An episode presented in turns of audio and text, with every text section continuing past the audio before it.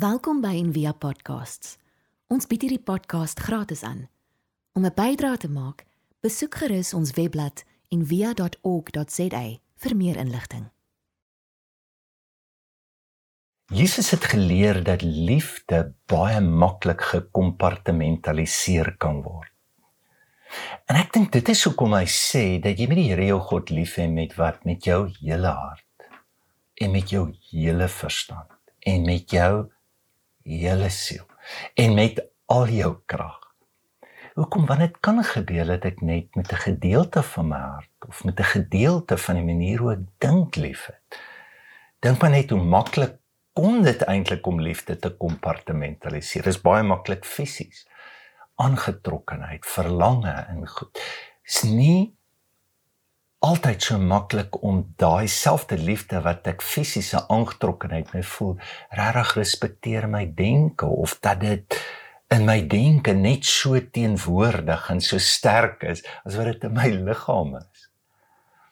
Dink vir 'n oomblik hoe kompartmentaliseer ons veral net met hierdie beweging van liefde wat maar soos asemhaling is dat ek moet inasem om te kan gee en liefde kan nie anders werk nie hy moet ontvang en hy moet gee. En baie keer gee ons maar nie omdat dit uit 'n die diep ontvang van God is nie of dit waar ons vanoggend wil praat is baie keer ontvang ons maar is moeilik om te gee. En ek wil vandag praat oor miskien een aspek van hoe die liefde moet gee en dit is deur ons gawes en ons roeping of gawes in die take 'n roeping wat ons het. Nou gewoonlik wanneer ek paartjies trou, dan wil hulle almal voor die tyd 'n vinnige kursus doen laat ons gou die huwelik in die sakkie kan kry. Ehm uh, maar ons weet nou dat 'n uh, kursus help nie baie nie want ehm um, dis 'n diep manier van lewe en 'n groei in mekaar en dis die enigste ding wat ons eintlik help. En ek dink daar's iets wat baie belangrik is. Ek vra vir elke paartjie, hoorie, wat is julle lewensmissie? En dan sal hulle sê ons wil 'n kar hê, ons wil kinders hê. Ons sê maar dit dis nie regtig 'n missie nie, nê. Nee. Uh, 'n missie is eintlik dis dalk 'n visie. 'n Missie is wat jy nie regtig kan bereik nie. Dis die groot een daai. En lewe, lewensmissie. So die vraag is nie wat haal jy uit hierdie lewe uit en wat kry jy alles uit hierdie lewe uit? Nie die vraag is Wat vra die lewe vir jou? Dis toevallig die vraag wat Viktor Frankl in die konsentrasiekampe vir almal gevra het. Wat vra hierdie lewe van jou? Dink maar aan 'n huwelik. As ons trou, ek bedoel ek kan inkom met wonderlike gawes. Ek kan koek bak, ek kan karre regmaak en is wonderlik in dit. Maar daar's net seker goed wat take wat gedoen moet word, daar moet skottelgoed gewas word. Ek kan nie sê oor ek het een keer skottelgoed gewas nou se klaar nie. Maar deel van wat die lewe die lewe maak is ook om sekere take te vervul. En hier's die storie van die Bybel dat die Here ons uit 'n diep liefde roep en dat ons met 'n liefde wat hy bring in ons lewe om sekere take ook te vervul in hierdie lewe. So die wat is die verskil tussen gawes en 'n roeping of take wat ons moet vervul? Gawes is dit waarmee ons goed is. 'n Roeping is net dit wat ons moet doen. Dis wat jy moet doen. En dit kan jou gawes insluit, soos jy wil. Die woord roeping kom van die Latyn vocatio vocal, roep, stem en is 'n stem wat jy hoor. En en is dit nie die wese van liefde nie om na mekaar te kan luister om te kan hoor en dat dis reeds dit wat jy hoor wat jou nader bring, wat jou hart roer, wat jou hart oopmaak of jou hart toemaak. En die Bybel is vol verhale van 'n stem wat iemand gehoor het wat hulle lewe verander het soos Jesaja hy sê en ek het die Here gehoor wie sal ek stuur wie sal ek stuur en toe sê ek vir die Here hier is ek Dis die storie wat ons vandag ook gelees het van Moses. Sê hier is ek. En hy hoor die Here. En Moses se lewe eindig nie daar nie. Dit is nie hoor ek het die Here gehoor en weet jy wat ek het bevordering gekry en weet jy wat my kinders presteer nou ongelooflik van dit ek 'n pad met die Here loop en ons het ook besluit ons begin 'n bediening nou ons gaan bietjie gee. Is is dit Moses se storie? Nee nee. Kyk, 'n roeping, 'n taak ontwrig baie meer as wat dit jou gemaklik maak. En iemand het eendag gesê, as jy lewe met 'n roeping en jy voel, maar jy kan dit doen is maklik, dan wil ek vir jou sê dis nie van die Here nie. Want dit is regtig 'n daar's 'n patroon in die Bybel dat uit die diepste ontwrigting begin mense te verstaan.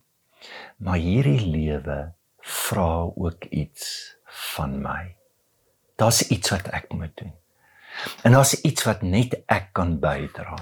Ek wil net drie dinge noem uit hierdie verhaal met Moses. In die eerste plek, ek dink liefde leer ons uh dat ja ons wonde en ons tekortkominge word geëer deur die liefde. Is deel van ons roeping ook. Ek wonder baie oor Moses hoe moeilik dit vir hom moes gewees het. Ehm um, as 'n kind. Ek bedoel sy maat hom maar basies weggegooi. Wonder hoe moes hy dit verstaan het toe hy later groot word en o, ek maar ek is nie 'n Egiptenaar nie, my maat my 'n mandjie sit ek is dalk gelukkig dat 'n krokodil my nie geëet het en toe land ek nou hier. Ek ek wonder of sy spraakgebrek nie te doen gehad het met hierdie hierdie enorme vrees onsekerheid. En dan lewe hy, hy weet nie wie sy nie. Hy's 'n prins in Egipte. Hy wil nie regtig dit wees nie. Hy identifiseer met die Jode dit. Dis eintlik 'n storie van iemand wat tussen identiteite is wat homself moet ontdek En nou begin dit met 'n roeping. Wat uitvind wie hy is. Ehm um, in die 18de eeu was daar 'n rabbi, 'n rabbi Zusia. En hy klas geen toe hy nou sy disippels of sy leerlinge leer oor Moses want in Jode is dit die grootste mens wat daar was, die grootste leier ook. Toe vra een van die studente vir hom rabbi, weet so wat gee doen as jy in die hemel kom en die Here vra vir jou, hoekom is jy nie meer soos Moses nie want ons moet hom volg. Dis sê die vraag gaan nie wees was ek meer soos Moses nie, die vraag gaan wees was ek Zosia gewees. Ehm um, Palmer Parker sê our deepest calling is to grow into authentic selfhood whether or not it confirms to some image of who we th- others think we ought to be. As we do so, we will not only find the joy every human being seeks, we will also find our path of authentic service in the world. Is dit maklik? Nee. Sly die Here ons tekortkominge in ja, kan nie praat nie. Hierdie gaan nie vir my werk nie. Maar wat gebeur as ons nou aspekte van onsself gaan wat vir ons moeilik is, nee, ons begrawe dit. Jong sou dit skadukante genoem het. Maar ongelukkig ons oorkompenseer met ons skadu in ander gedrag. Dis hoekom die grootste boelie is gewoonlik die bangste hou. Dis waar die skadu is. Moses ontwikkel ook gedrag. Ek dink sy onvermoë om te aanvaar wie hy is. Dalk met sy spraakgebrek gebruik hy sy krag. Hy slaan iemand dood. Hy dit is sy pad wat God hom bring na wie hy werklik is. Tweede ding wat ek wil sê is dat liefde loop nie weg van moeilike vrae nie, want ons kompartimentaliseer ons vrae ook. Ja, hierso is vrae waar vir ons antwoorde het. En omdat ons die antwoorde het, ons maak sommer die Bybel, omdat ons dit verstaan, voel ons gemaklik daarmee. Maar dis nie die patroon in die Bybel nie. Die diepste ontwrigting bring vrae en 'n roeping het eintlik te doen nie met een of ander stem wat jy hoor en wat 'n wonderlike seën jy vir die nasies gaan wees nie. Dit het te doen met die moeilikste vrae wat jy in jou lewe moet antwoord. So ehm um, Greg Levoy skryf oor. Hy sê calls are essentially questions. They aren't questions you necessarily need to answer overnight. They are questions to which you need to respond. Expose yourself and kneel before.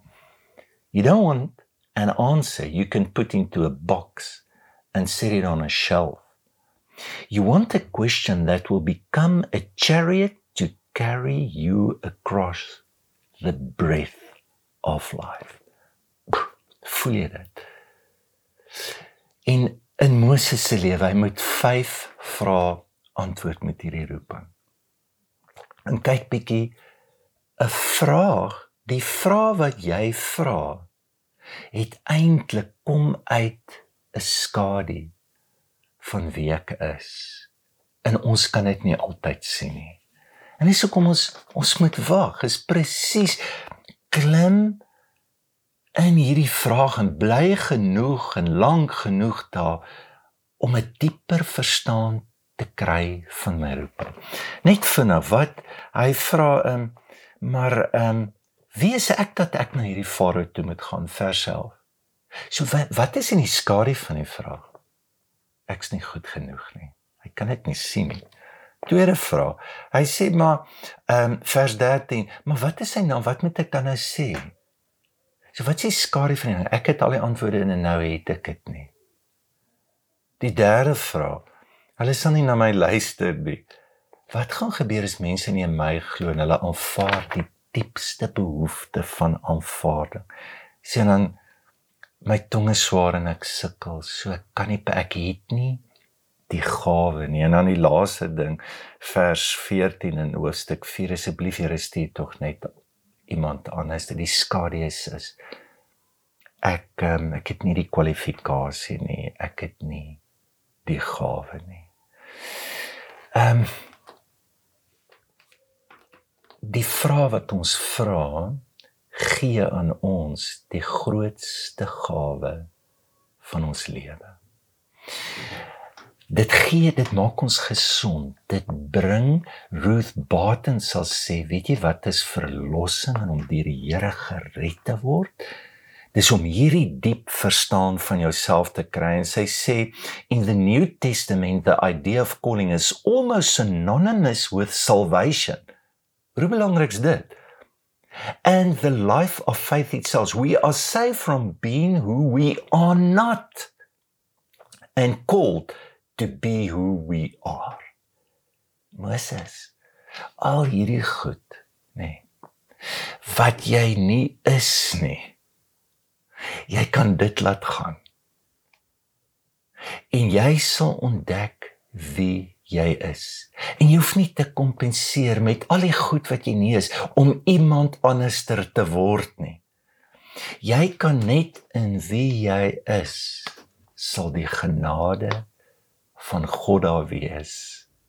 En al voel jy jy het nie die gawe nie, sal my krag vir jou genoeg wees. Ek sluit af die laaste ding. Wat wonderlik is van die liefde, dit bring 'n diep wederkerige liefde. Jy sien wat gebeur as jy iemand liefhet.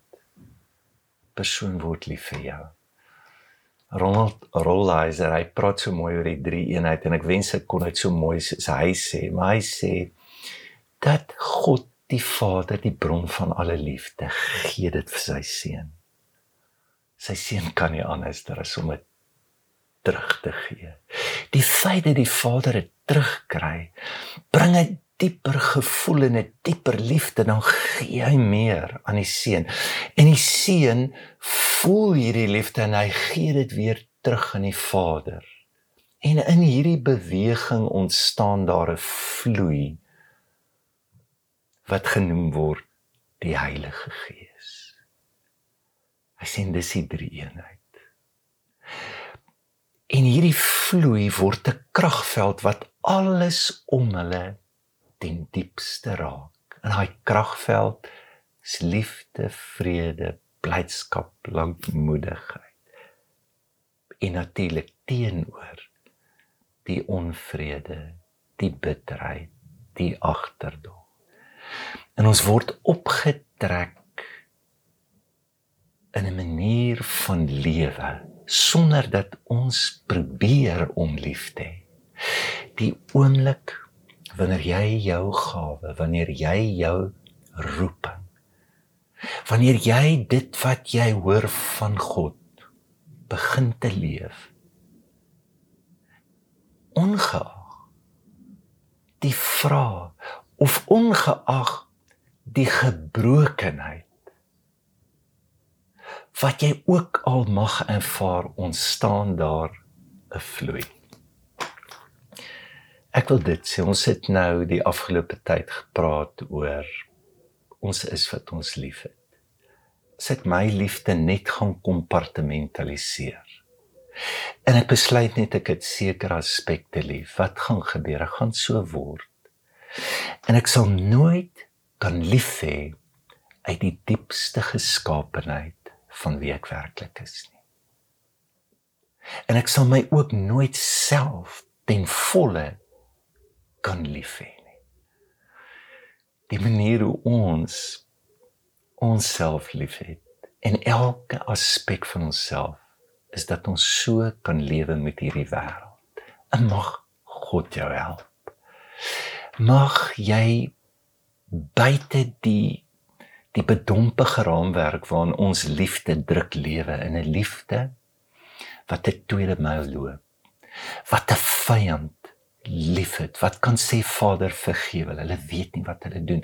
Wat met die diepste empatie kyk na die grootste gebrokenheid van hierdie wêreld en daarmee liefde. En dan natuurlik ook die mense om jou. Mag jy skep mag jy voel die Here jou ook 'n roeping gee vir jou gesin 'n taak vir jou kinders wat baie keer buitekant jou gemak is. En mag jy ervaar hoe die Here kom in haar die drie eenheid beteken dans. Mag jy voel hoe die dans die ritme die vloei die beweging van 'n wederkerigheid in jou lewe jou lewe vat. Ons hoop van harte jy het hierdie podcast geniet of raadsaam gevind. Besoek gerus en via.ok.za vir meer inligting.